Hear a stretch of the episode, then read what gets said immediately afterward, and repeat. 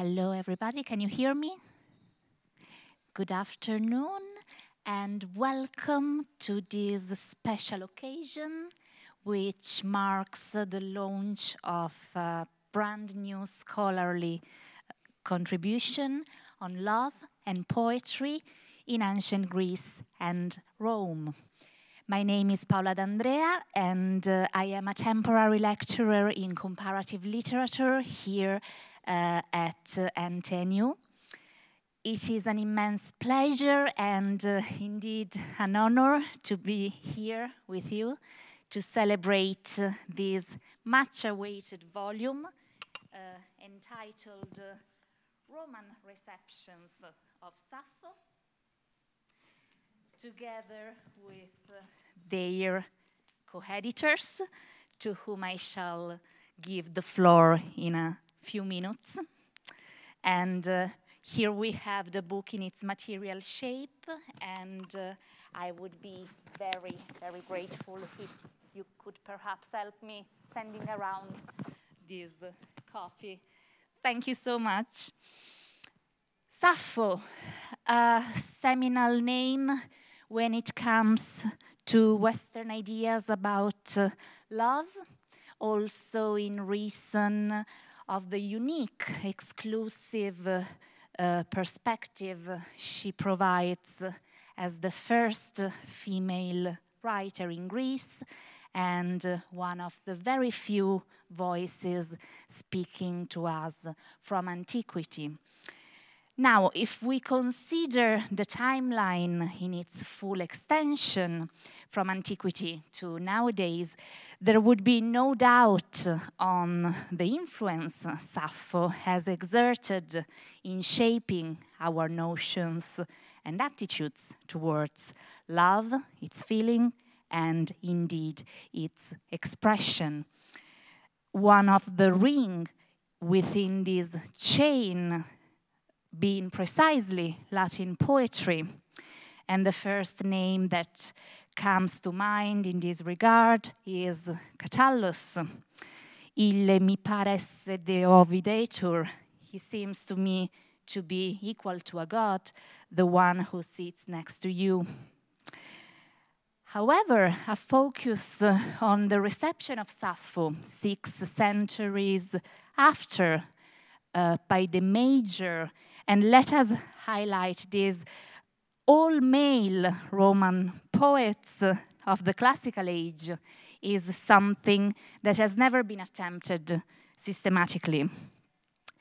This is the novelty of the book, which explores the implications, repercussions, and side effects of Sappho's reception in a male dominated horizon. Let us give a few names. Virgil, already regarded by the Romans as the greatest Roman poet, uh, Rome, whose foundation was celebrated in the Aeneid, 12 books in the tradition of Homer, Horace, the major lyric poet, who apparently boasts in the myriad of meters he uses to have become somehow immune from love. And last but not least, Ovid, the self proclaimed master of love and love poetry. So, all poets who have championed the mainstream idea of male authored poetry. But let us now move on to the names on the book cover. Stephen Harrison is professor of Latin literature at the University of Oxford and fellow and tutor in classics at Corpus Christi College within the same university, where he has been teaching and doing research without interruption uh, for the uh, for the last, sorry, 35 years, approximately. A long and stable presence in Oxford, however, interspersed with visits and projects with classics departments all over the world, including but not limited to the US, Brazil, and Japan. On the European map, he is a regular guest and contributor uh, to the academic debate in Germany and Italy. But he has also a special connection to Scandinavia, visiting professor at Bergen in a not so remote past, uh, and more recently, professor too in Copenhagen and here in Trondheim. In parallel with such a wide ranging geographic coverage, his research interests on Latin literature span a wide spectrum of scholarly approaches, from pure hardcore philology to literary theory and reception. He has published extensively and intensively on Virgil and Horace. His Oxford commentary on Aeneid 10 is periodically reprinted together with the Cambridge edition of Horace, the book second of uh, the Odes. Groundbreaking is also his work on Latin novel, especially Apuleius, uh, but the list really could go ad infinitum. Uh, on top of this, just allow me to add parenthetically that he manages to be a generous and caring supervisor as I and few others in this audience can vouch for. Thea Thorsen is Associate Professor of Classics here at NTNU. She's a familiar face around the campus in Dragvoll, but her works always make immediate impact on international academic circles as well as on Norwegian media. Amongst her publications, the Cambridge Companion to Love Elegy, 2013, and Ovid's early poetry, again with Cambridge, uh, 2014, which is the proof of a privileged link to the poet Ovid, whose love elegies she also translated for the first time in Norwegian verse. So, a full range academic who is a staple of uh, classical studies in Norway, but also an itinerant scholar with uh, an international reputation. Frequent have been her visits in the past, but uh, also recently in Oxford, Cambridge, Paris, uh, and Pisa. So please join me in properly welcoming our speakers of today, Stephen Harrison and Thea Thorsen. Thank you so much, Paola. That was a very generous uh, introduction. Um, and um, I just, uh, just to um, continue uh, talking about this uh, book, which is the main uh, focus here now. Uh, Stephen, um, can you just reformulate the basic question that um, was lying behind this whole project as we started it? Sure, and it's very nice to be here in, in Trondheim, us collaborating again. We collaborated on the conference a few years ago now in Oxford, and with funding both from Oxford and from Norway, so we're very grateful for that. So the big question, really, of course, we all know the Romans, uh, this great militaristic nation who uh, spent their time conquering the world, essentially. Some ways, it's a surprise that the Romans had uh, an elaborate literature. It was a surprise to some Romans that they had an elaborate literature. Um, but, and this raises a very interesting question. Why did this culture, which is a bit like the Borg from Star Trek, uh, this rough, militaristic culture, why did they, in their most important periods of literary culture, have such an interest in a gay, dead Greek female poet who writes sad poems about love, which is essentially what Sappho does? Yeah, maybe we should uh, just uh, pick up a little bit about uh, on, on, on what Paola said about the distance, uh, to just underline uh, how paradoxical uh, it really is and uh, what it says about the Romans and, and perhaps even also the afterlife uh, and how they have uh, approached the fact that Sappho was very influential in Rome. Just uh, all the differences, all the obstacles she had to overcome to, to have this impact. Yes. so, one of the things that happens between Sappho's time and the Romans that we're talking about 500 years later is there's a kind of codification of Greek literature in Alexandria in the time after Alexander the Great. And that's 300 300 uh, before, uh, before Christ. Yeah, yeah. And uh, Sappho gets to be one of the top nine poets of, in lyric in her, her form. Uh, so, in a sense, the Romans inherit her from the Greeks, but they didn't have to. They didn't have to make that choice. And what interests us really is why they did make this pretty extraordinary choice of uh, someone who's just so unlike what it is to be a Roman. And well, we, we, we have one or two ideas about this, yeah. uh, hence uh, the generation of the conference and the book.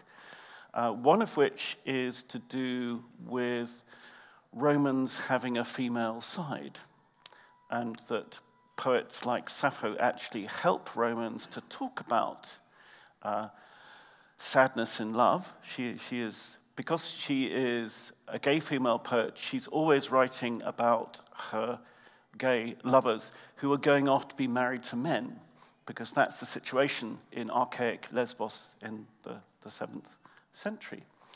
So she is always in a position where her love cannot be fulfilled. And that, of course, appeals to certain types of Roman writing. Now, Thea is one of the world experts on what we call love elegy, which is essentially what's written by elite Roman male citizens about their affairs with less elite women. And one of the features of these affairs is they can never end in marriage. Uh, well, they don't want it to end in, well, they, they actually don't want yes. it to end in marriage or children. Yeah. Uh, when they touch upon these subjects, they explicitly say that, which makes their love project very different from many other precursors in the literary history, except Sappho. Sappho or yeah. other homoerotic poetry. Yeah. yeah.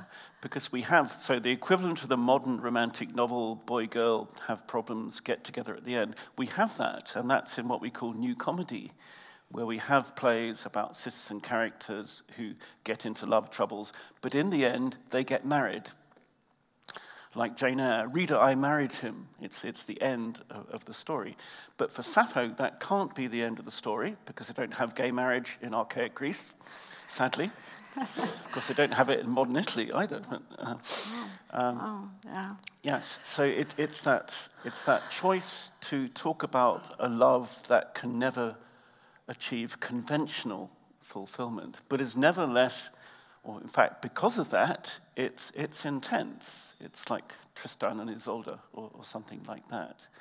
So that's one of the ways that it gets yeah. into the, the Roman yeah, culture. and, and also perhaps, um, I mean, this has been in the text that we read since uh, antiquity, uh, but it hasn't really always been appreciated, uh, which uh, also has something to do about the image of the Romans as this military macho uh, people.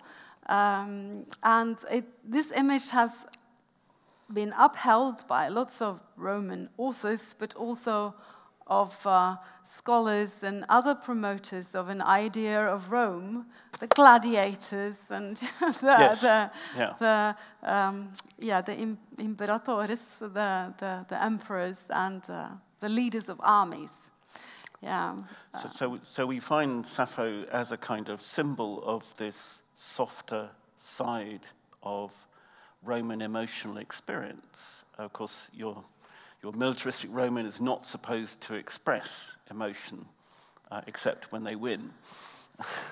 uh, but they're Yeah. not. They're, they're supposed to be resistant to suffering. Of course, Romans were very interested in the ancient philosophy of Stoicism, which is all about the stiff upper lip and resisting the passions.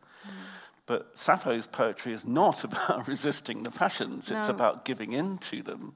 And that's one reason why it's popular in the modern era, I Yeah, think. we, we, we were planning to treat you uh, with a bit of actual ancient Greek in towards the end, but Yes. but I mean, talking about feelings, maybe you could paraphrase, pa- paraphrase, uh, for example, fragment thirty-one, just uh, just to give an impression of Yes. uh, of how. Uh, I mean, I, not not to recite, No, the no, Greek, no, but, yeah, but I the can only do the content first verse. of the of the Yeah. sweating and I'm turning Yes. green and uh, yeah. So, Which is thir- also what you referred to, Paola, in Yeah. the translation of Catullus. Sorry. Yes, so fragment 31. So perhaps we should say that we don't have complete texts of Sappho. One of the fascinating things about Sappho is that her poems survive either in ancient papyri, which are dug from the sands of Egypt, or they survive being quoted by later authors.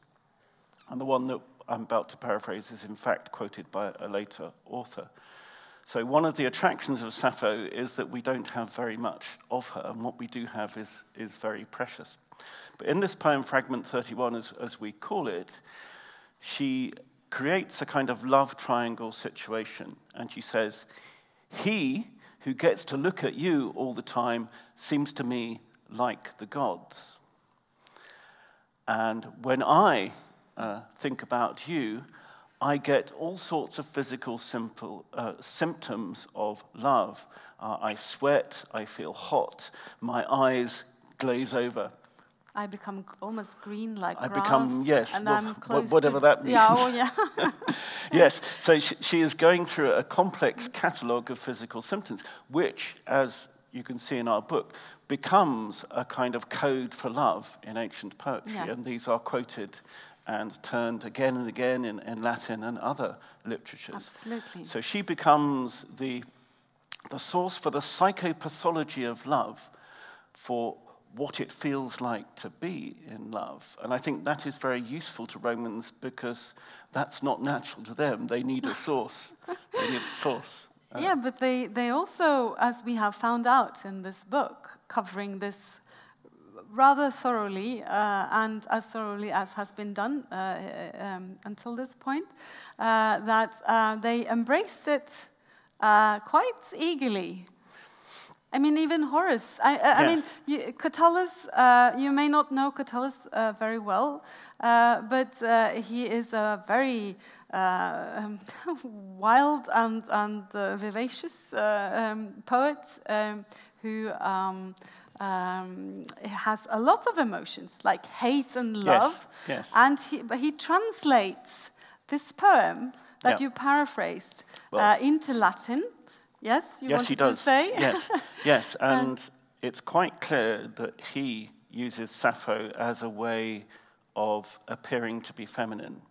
Uh, so, in another poem, he uses an image from Sappho of, of, a, Yeah, of a cut yeah. flower, a flower that's cut by a plough at the edge of a meadow. Now, if you read your Freud, you, you will be aware that the plough is male and the, the flower is female naturally, but he turns it round because he makes himself the flower, yeah. and that is from Sappho. So he uses Sappho to put himself in that vulnerable female, feminine position.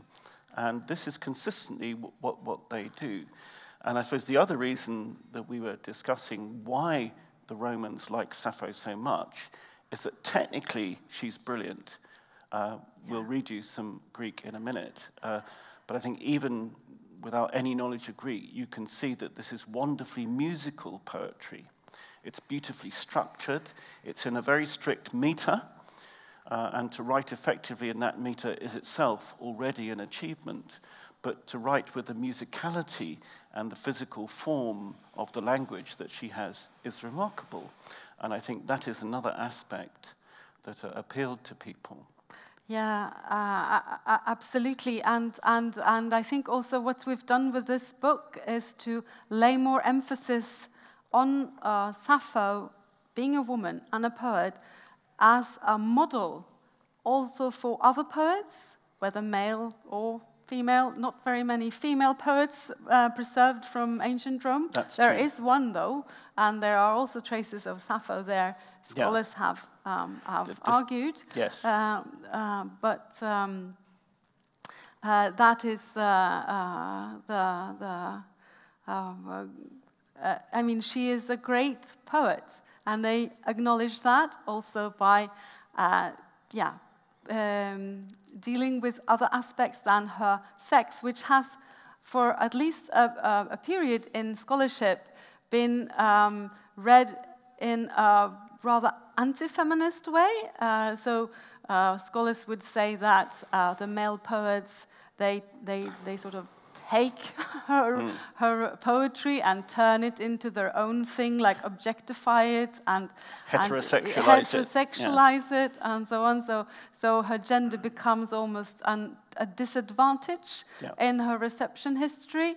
But then um, these scholars have, of course, made uh, important and huge steps forward, but they, they will, uh, they, they do disregard perhaps a little too much of, of her brilliance uh, and, and her mastery of, of poetry, which must also have been one of the reasons why she was uh, uh, so influential in ancient Rome.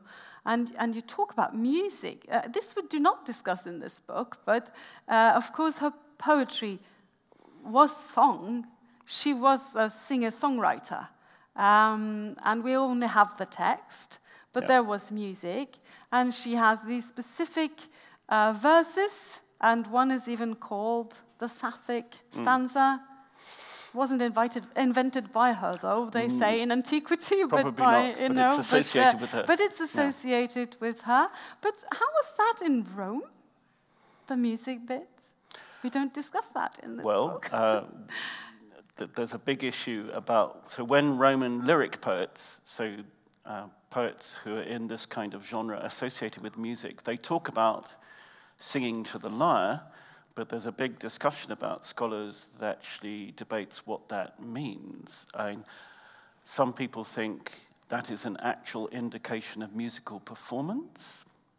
Others would say it's just an indication that this is a poem in a genre which was once performed back in, back in Greece. I mean, we're pretty sure that for Sappho, these, these are songs. She is the Joan Baez of, of archaic Greece, who does a good line on, on sad love songs. Um, um, but in, in, in Rome, she's become part of a literary heritage. And I go back to this collection of poets, this nine poets who are brought together in, in 300. It's because she is part of the literary culture that, that uh, she has absorbed, not because she's still being played musically. But I think you only have to listen to the sound of the poetry without music to realize that it, it's very musical, that it really does have a, a rhythm and a sweetness which is exceptional. Yeah, and, and you will shortly uh, will. let us uh, experience that. Yes, you wanted to make another I, point? Yeah. I think so. The other, so one question with this book is why wasn't it done a hundred years ago? Because most of the classics is a slow subject. Um, most of the information in this book was available a hundred years ago. Of course, a hundred years ago, scholarship was very different. Uh, A hundred years ago, you couldn't really talk about uh, homosexual, gay relationships in scholarly discourse with the freedom that we can now. Don't, don't ask me why, but that, that's how it was.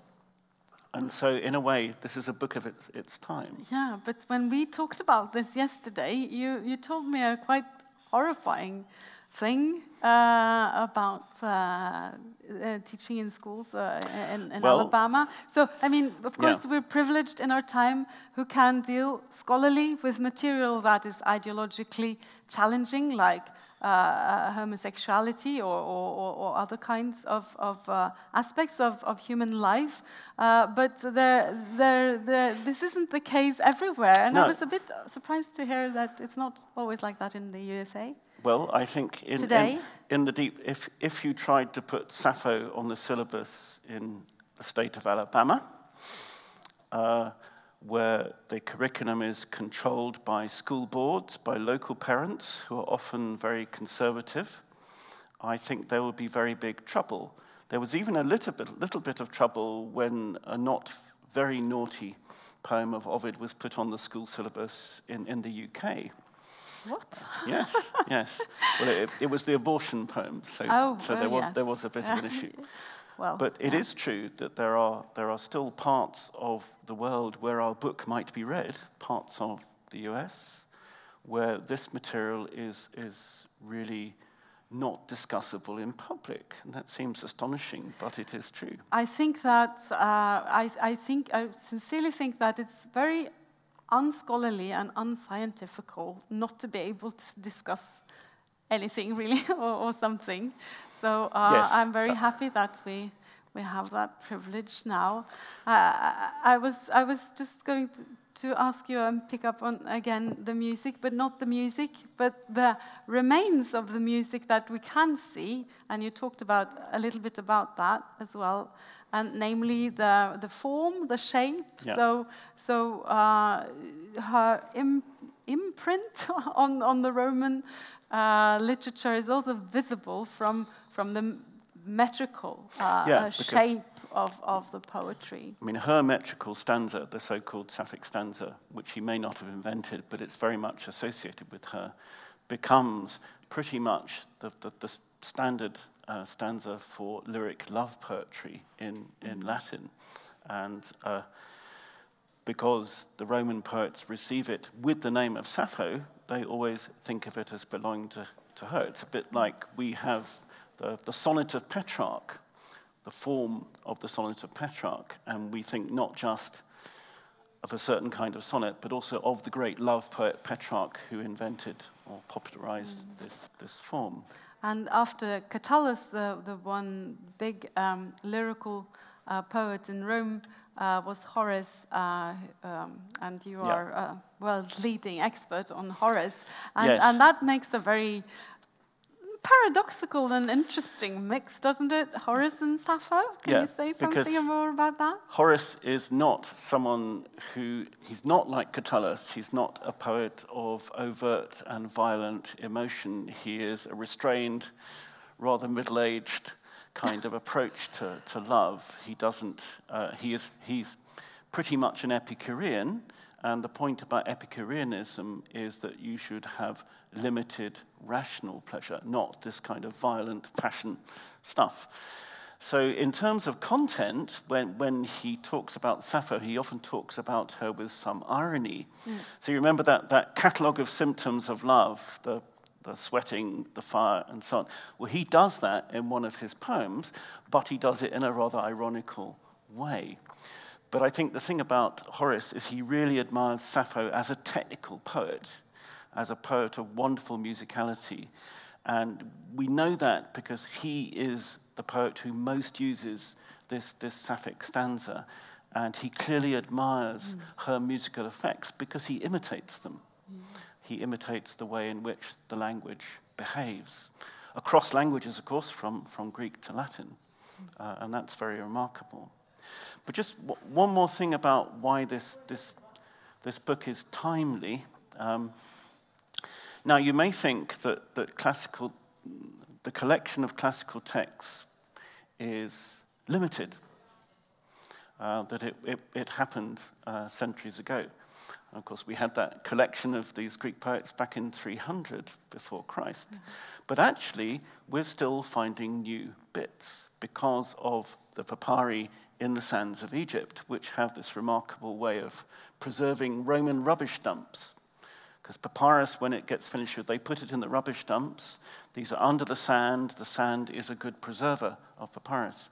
And in recent years, uh, even more fragments of Sappho have uh, come out. And in fact, in the gap between the conference Yes. for this book and the publication of the book, one of the good things about the delay, Yes. one of the few good things about the delay, Blessing in the yes, skies. was, Yes. was that we, and especially Thea in her parts of the book, was able to incorporate knowledge of, of these new fragments. Yeah. And so uh, humanities is like science. We do make new discoveries sometimes, and we do add to the, uh, the inventory of knowledge uh, about the ancient world. And that, that's been one of the exciting Yeah. parts of the book, that the target has moved. What is Sappho? Well, now there are 30, 40 more lines of Sappho, and that's quite a lot, given there are only a few hundred lines of her in total. Absolutely. Um, it's really great, I must say. But I'd also like to ask you a little bit about, I mean, Catullus, he is, uh, if, you, if you do know Catullus, actually he's been translated several times into Norwegian. And he has very saucy po- poems. And he's both male and female and everything, I'd say. Yep. Uh, but Horace, uh, he's more uh, Roman, perhaps, uh, like we think of him today, uh, and, and admires Sappho for her technical brilliance, uh, perhaps. But you have written a chapter about the most Roman, like you said, the, the, the, the best Roman poet according to the Romans, namely Virgil, who is I mean, difficult to associate with this tradition, but nevertheless, you find traces or shadows of Yes. Sappho in Yes. all of his poetry. Yes. Uh, and I think, again, for Virgil, as for the Romans as a whole, it allows a certain side of him to emerge. So he's writing the Aeneid, which is basically the story of how Rome became top nation, how the, the Romans came from Troy as, as defeated people and uh, basically became the greatest nation on earth. Now, you think there might not be much room for Sappho in, in that story, but it's a story that also includes a number of victims, a number of people who die as a result of this great imperial project. And there are moments of uh, lamentation, there are moments of homoerotic love, which is quite unusual in a Roman epic. Uh, maybe Virgil's but coming out a bit. Yeah, and also, I mean, it's, it's a theme in his, uh, in his works. Eh, Across the Yeah, work, so in the yeah, eclogues, yeah. Uh, his pastoral poetry, we, we get a number of allusions to Sappho, again in a world where homoerotic relationships are, are prominent. So it allows this side of Virgil, which I think is a genuine side, to come out through echoes of the language of, of Sappho. You mean biographically genuine? Or, I think so. I think so. And uh, scholars have always seen Virgil, in the last 50 years, they've seen Virgil as having two sides the great poet of imperialism. Augustus's poet. Yes. Preferred poet. Yeah. Even he had to recite to him. Yes. Yeah. So, so they say. Yeah. So they say. Yeah. Uh, so the, the poet of, of the great enterprise of Rome, the poet of, of the Borg, as it were. But on the other hand, uh, a poet who has a personal life and a poet who is interested in the clash between the great imperial mission of Rome, the great empire, and uh, what it means for individuals who suffer. And I think it's that perspective of the suffering individual, which is so there in Sappho, the suffering from love, uh, which appeals to Virgil. It's that capacity to see the downside for the individual of the big project. It makes him an even greater poet when you Hmm. see these things because it's not only, I mean, not only what Augustus would have wanted, but there is, of course, human uh, depth that goes Yeah. far beyond that and the time of Augustus. And that's what makes it a classic poem, and that's why we're still reading it 2,000 years later. Yeah, sh- should we also say something about Ovid? Well, the, you should- the, the final Well, so- uh, so- big, uh, yeah. So Thea has, amongst many things, uh, written really important material about uh, a letter, uh, a fictional letter that Ovid writes in the person of Sappho. And that's pretty weird. Uh, and it's in a collection of other poems written by mythic heroines, uh, people like Penelope, the, the wife of Odysseus. Uh, but Sappho is the only poet in, in this collection. Yeah, so perhaps you should- historical person. Yeah. Yes, and there's big debate about the authenticity of this letter, whether it was by Ovid. And that, that's all part of the story of Sappho. yeah. Uh, uh, Thea, quite rightly, I think, has now proved, Oh. in my view, that it, it's by Ovid. But say a little about Yeah. why. Why do you think Ovid invests so much in, in this great letter? Yeah, well, I'm so uh, happy that I have convinced you that uh, he wrote this uh, letter by Sappho, because I think that is mm, precisely sort of the question, uh, namely, um, what kind of Ovid do we have if we take Sappho away?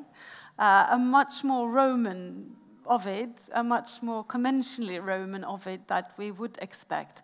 But once you put this uh, very long letter, it's uh, uh, seven pages long, I think, um, into his um, works, um, it changes, and also how we must perceive of Ovid, that changes. So, um, uh, uh, of course, uh, uh, it's, uh, I think uh, there are good reasons to believe that he put Sappho very prominently in his works, in his early works. He actually sort of uses her in order to pre present a self portrait. and um, I think that now that we have talked us through these sort of bigger lines uh, in the Roman reception of Sappho, I think maybe I will dare uh, a new claim that I do not make here, namely that he sort of combines a bit of all the things that we have been talking about. Because uh, there is uh, the homoerotic aspect. One wouldn't perhaps say uh, the homoerotic sensibility in the way of Virgil, because uh, the Sappho we are introduced to in the Heroides, the work of Ovid, uh, she, she does say that she has had a hundred uh, girlfriends, so she, she isn't heterosexualized in that sense. Yeah, but she but writing now, to a man. Yeah, she's yes. writing to a young man, a very mm. beautiful young man, and she's fallen in love with him. Uh, and uh, so, of course, it's, it's not, um, uh, it's, it's, it's ambiguous in that sense. Uh, but also the technical aspect uh, the, the, the brilliancy of her, her, her, her art, uh, I think, is, is very important and prominent, uh, not only um, concerning this uh, letter uh, of Sappho in the Heroides, but you can see it in um, many other ways in his corpus. Ovid writes uh, a lot, really, much more than Virgil and, and, and Horace. And um, he also mentions Sappho towards the end of his life. So she is a very important love poet. That is, I mean, and, and, and the master uh, love poet, perhaps, uh, one might say. Uh, and, um, and of course, uh, this uh, all comes uh, this all comes together uh, in, in Ovid's poetry, I think, uh, in a way that actually may sort of be summarizing a bit uh, uh, what we have been talking about. And also, of course, is a great admirer of Virgil and Horace, uh, and, uh, and um, I think we can also see how he, he chooses to stress uh, those uh, things, for example, in Horace, that also evoke Sappho to um, underscore her importance uh, in a way. And actually, one thing that is difficult to see if you read literature about Roman poetry, uh, it's difficult to see that um, they all have uh, a, a, certain allegiance to Sappho, for example, in, in the way, um, yeah, they're um, girls uh, that they choose to uh, write to and so on. Uh, so there are many patterns that we have touched upon here. Uh, and, um, and also, maybe we should mention that Robert uh, in the audience helped me compile the biggest selection of examples of, uh, of, where other authors have mentioned Sappho, and it's uh, the biggest to date. I think it's more than a hundred pages, 100 pages mm. and, and many, many entries, things that haven't been there before. So, and this is a really important part of the volume for scholars. This will be a major resource for decades. So well done Robert and Thea and um, your collaborator. So, are you ready for some, some Greek poetry? So, Stephen will read the one um, uh, only uh, complete. Oh, there may be some other contenders for that. Uh, yeah, yeah, but this is the one complete poem by Sappho. And, I, and, and fear not, I will read a Danish translation afterwards, also metrical. Yeah. Okay, so I won't uh, give a long summary, but just to say this is a hymn to Aphrodite, the goddess of love, uh, from Sappho who's having uh, love problems. And it's in the famous Sapphic meter, which is essentially three 11 syllable lines followed by a five syllable line. And that's the four line stanza, and then that's repeated. And that's part of the musicality. It, it, it, it's like a kind of blues form, or, a 16 bar, 12 bar, 16 bar song. it repeats, and that's, that is part of the musicality. Um, Okay. Poikul a thron áth an a tafrid i tá, paidi os to loplace, lisa maise, med ma saise, med an i aise damna, popni a thumon. Alla tuda elth e pota catarota, tase mai sauda sa iosa e peloi eclues, patrosta damon lipusa, crucian elthes, harmed o cubat status saisa, e. Caloid y sy agon oca es trwthoi per i gas malainas, pwpna dinentes, prer aparono aitros diameso. Aipsa dexiconto. Siwde, o Macaira, media sais arth anato prosopo, eria hatti deiote pepontha, cati deiote calemi, coti moi malista thelog yn esthau mainolaeth humo, tyna deiote peitho, sagen est san philotata, tisse o sappho adicesi. Caegare felge tacios dioxe, aida dora me decata alla doce, aida me file tacios filese cocataloisa. Elthe moi cainion, calapan del luson ec marimnan, hosta de moi telesai sumara simere, teleson, sio de auta summa essi. Mm.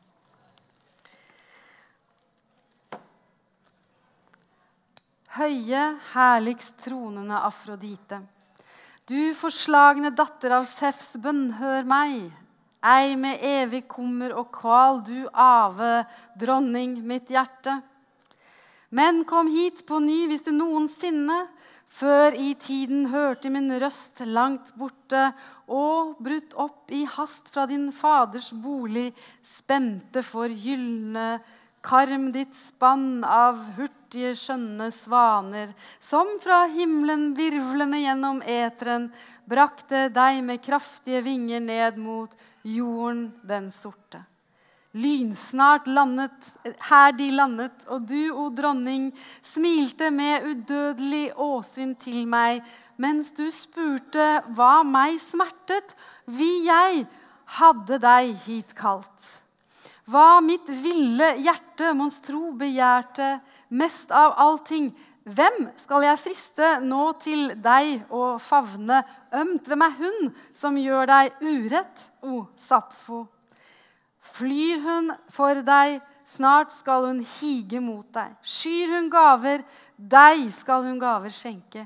Elsker hun deg ei, hun skal snart deg elske, selv mot sin vilje. Kom som før og lindre min svare kvide og fullbyrde det som mitt hjerte brente etter å fullbyrde. Vær du mitt hjertes hjelper i kampen. Takk. Thank you. Thank you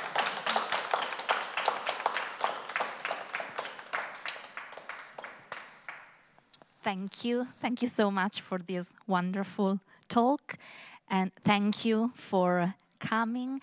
Uh, so, the big challenge is not over today because uh, Thea will be uh, dialoguing tomorrow with Donna Zuckerberg um, uh, tomorrow in the afternoon.